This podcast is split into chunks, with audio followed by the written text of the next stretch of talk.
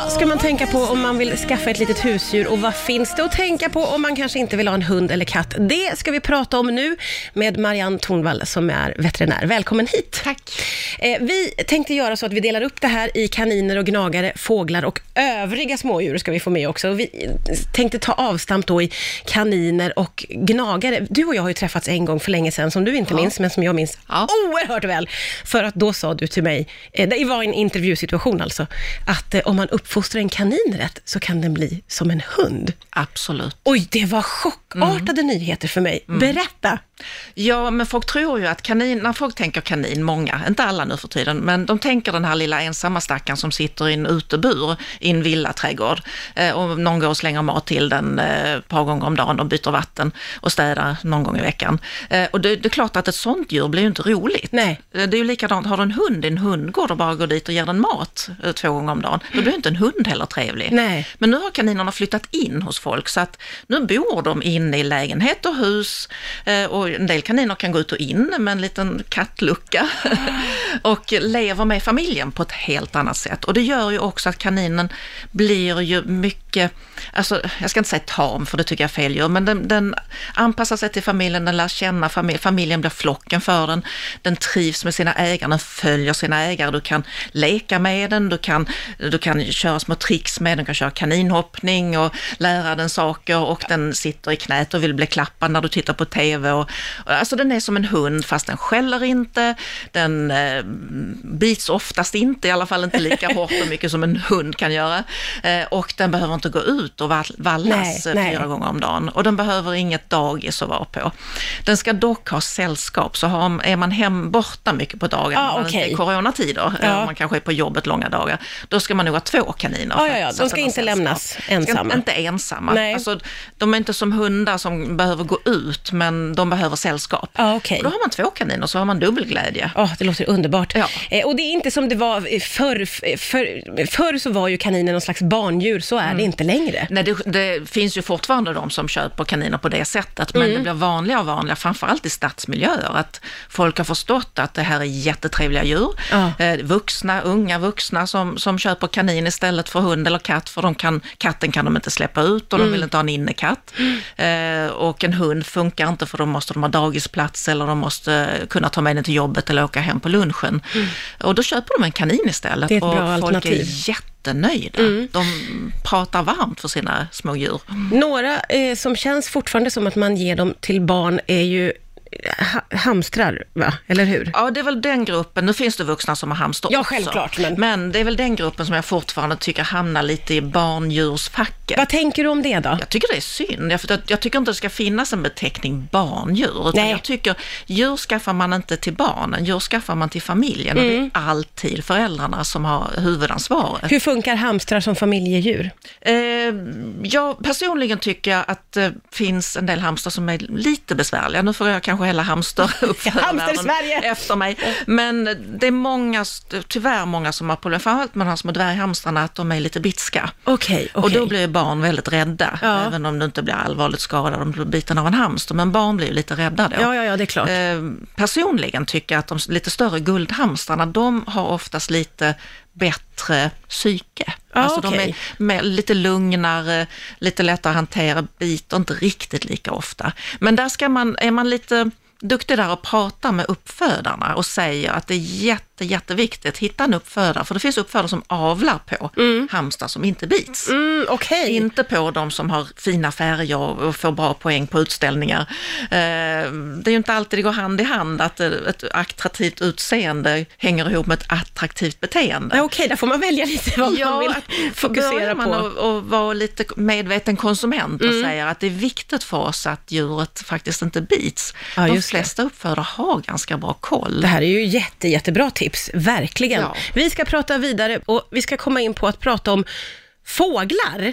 Ja. Eh, och då tänker jag ju att till exempel en stor maffig papegoja, det är ju något sånt där som man lite har tänkt att det vore väldigt häftigt att ha. Mm. Hur enkelt är det? Inte alls Nej. någonstans. Okej. Ingenstans är det enkelt. Nej. Så att eh, jag, ju mer jag jobbar och eh, ju mer jag lär mig, ju mer jag ser, desto mer försöker jag övertala folk att inte köpa stora papegojor. Vad är problemet med dem? Problemet är att de är absolut inte domesticerade, även om de är födda i Sverige eller i någonstans i Europa och importerade, så är det kanske första eller andra generationen i fångenskap. Det betyder att det är vilda djur. Det är alltså ungefär som att du tar, går ut och tar en kråka eller någonting och tar in och har hemma. Eh, Det och- låter ju hemskt. Ja, men visst är det. Vi Ja. får lov att ha andra länders vilda djur som tamdjur, men vi får inte ha våra fåglar eh, eller våra vilda djur hemma som tamdjur. Det är ju lite, redan där har Ja. vi ett etiskt moraliskt problem. Verkligen. Ehm, sen har det blivit en jätteindustri och jag ska inte säga att alla papegojor orsakar problem, men det är vilda djur. Eh, Du måste lära dig deras beteende, de måste skapa en miljö som de lever i, i naturen, så lik som möjligt för att de ska trivas. Och de lever väldigt länge. De här djuren kan leva upp till 50-60 och det finns ju exempel på papegojor som har blivit 80 år gamla. Så du måste ju kunna planera att om du köper ett, en papegoja när du är 50, vem ska ta hand om den när Ja, du just det. själv dör? Ja. Det är ju troligt att du själv dör innan fågeln. ja, det är mycket att ta i beaktning då med Det en sån. Jättemycket. Folk kan oftast planera en hundlivslängd, Ja. 10, 12, 13 år. Det, det kan, kan funka. Mm. Men bara 20, 30, 40, alltså det Nej. går inte att Nej. planera så långt fram Nej. i livet. Så att, och sen är det besvärliga djur. De är väldigt beroende av eh, sällskap, så helst ska du ha två. Eh, och hitta två, när vi pratade om kaniner förut, så är det väldigt lätt att hitta två kaniner som Ja. tycker om varandra, jämfört med att hitta två papegojor som tycker om varandra. Okej. De är som vi människor, de vill välja själv. Aha. Och i naturen där, de, där det finns massor att välja på i flocken, de parar ihop sig efter smycke och, ta, vad heter det, eh, smak och smak, och tycke. ja, Eh, men i fångenskap där du, liksom, du kan köpa en amazonpapegoja kanske där och så måste du leta efter en annan och du har inte ett urval på hundra fåglar och låta din fågel välja av. Så att få ett par som passar ihop är jättesvårt. Det var väldigt mycket dubier kring det här måste jag Ja, säga, som jag inte kände till faktiskt. Jätteroliga, jättetrevliga djur. Alltså de är fantastiska, de är så intelligenta. Men jag tycker, jag försöker få folk att, att de som kan och har och fungerar bra med sina djur, njut av att titta på dem istället. Ja, titta på dem på ja. TV och, och har ni kompisar som har fungerande, åk och hälsa på dem istället. För att det är, jag har sett det så mycket genom åren. Folk hör av sig till mig och de klarar inte av att ha dem längre, det är ändrade familjeförhållanden eller fågeln har börjat med något beteende som Mm.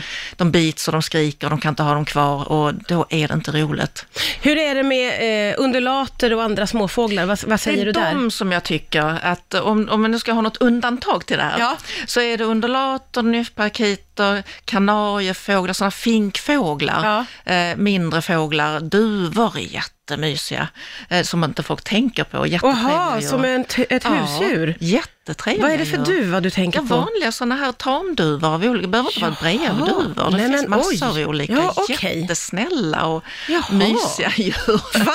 Ja. Chockat, men varenda gång vi ses kommer det Ja, med sån här något nytt. information.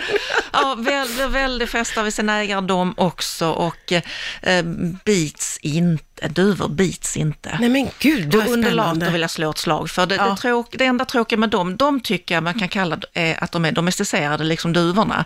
Att de har vi fött upp så länge i fångenskap att du, kan, Okej. inte, du kan inte förvänta dig att en, en, om du la in e, alltså undulatägg från våra undulater i vilda undulaters bo så skulle de här ungarna ha svårt att klara sig. därför att, okej. eh, De är så Ja. annorlunda genetiskt från Ja, ja, sina ja. vilda, Ja, ja. vilda eh, ja, förfäder. Släktingar, ja Eh, okej. Så de tycker det enda tråkiga med dem är att de lever inte lika länge som de skulle kunna göra till följd av att vi har avlat för hårt på dem och avlat fram defekter och sjukdomar. Ja, okej, det finns lite för och nackdelar. För och nackdelar, med, med men ibland kan ju, det kan låta hemskt att säga så, men det kanske är en fördel att den inte lever i 20 år, Ja, ja. att den Ja, lever verkligen. i 8, Faktiskt, om sex, man åtta nu år. jämför med Ja. de här stora papegojorna.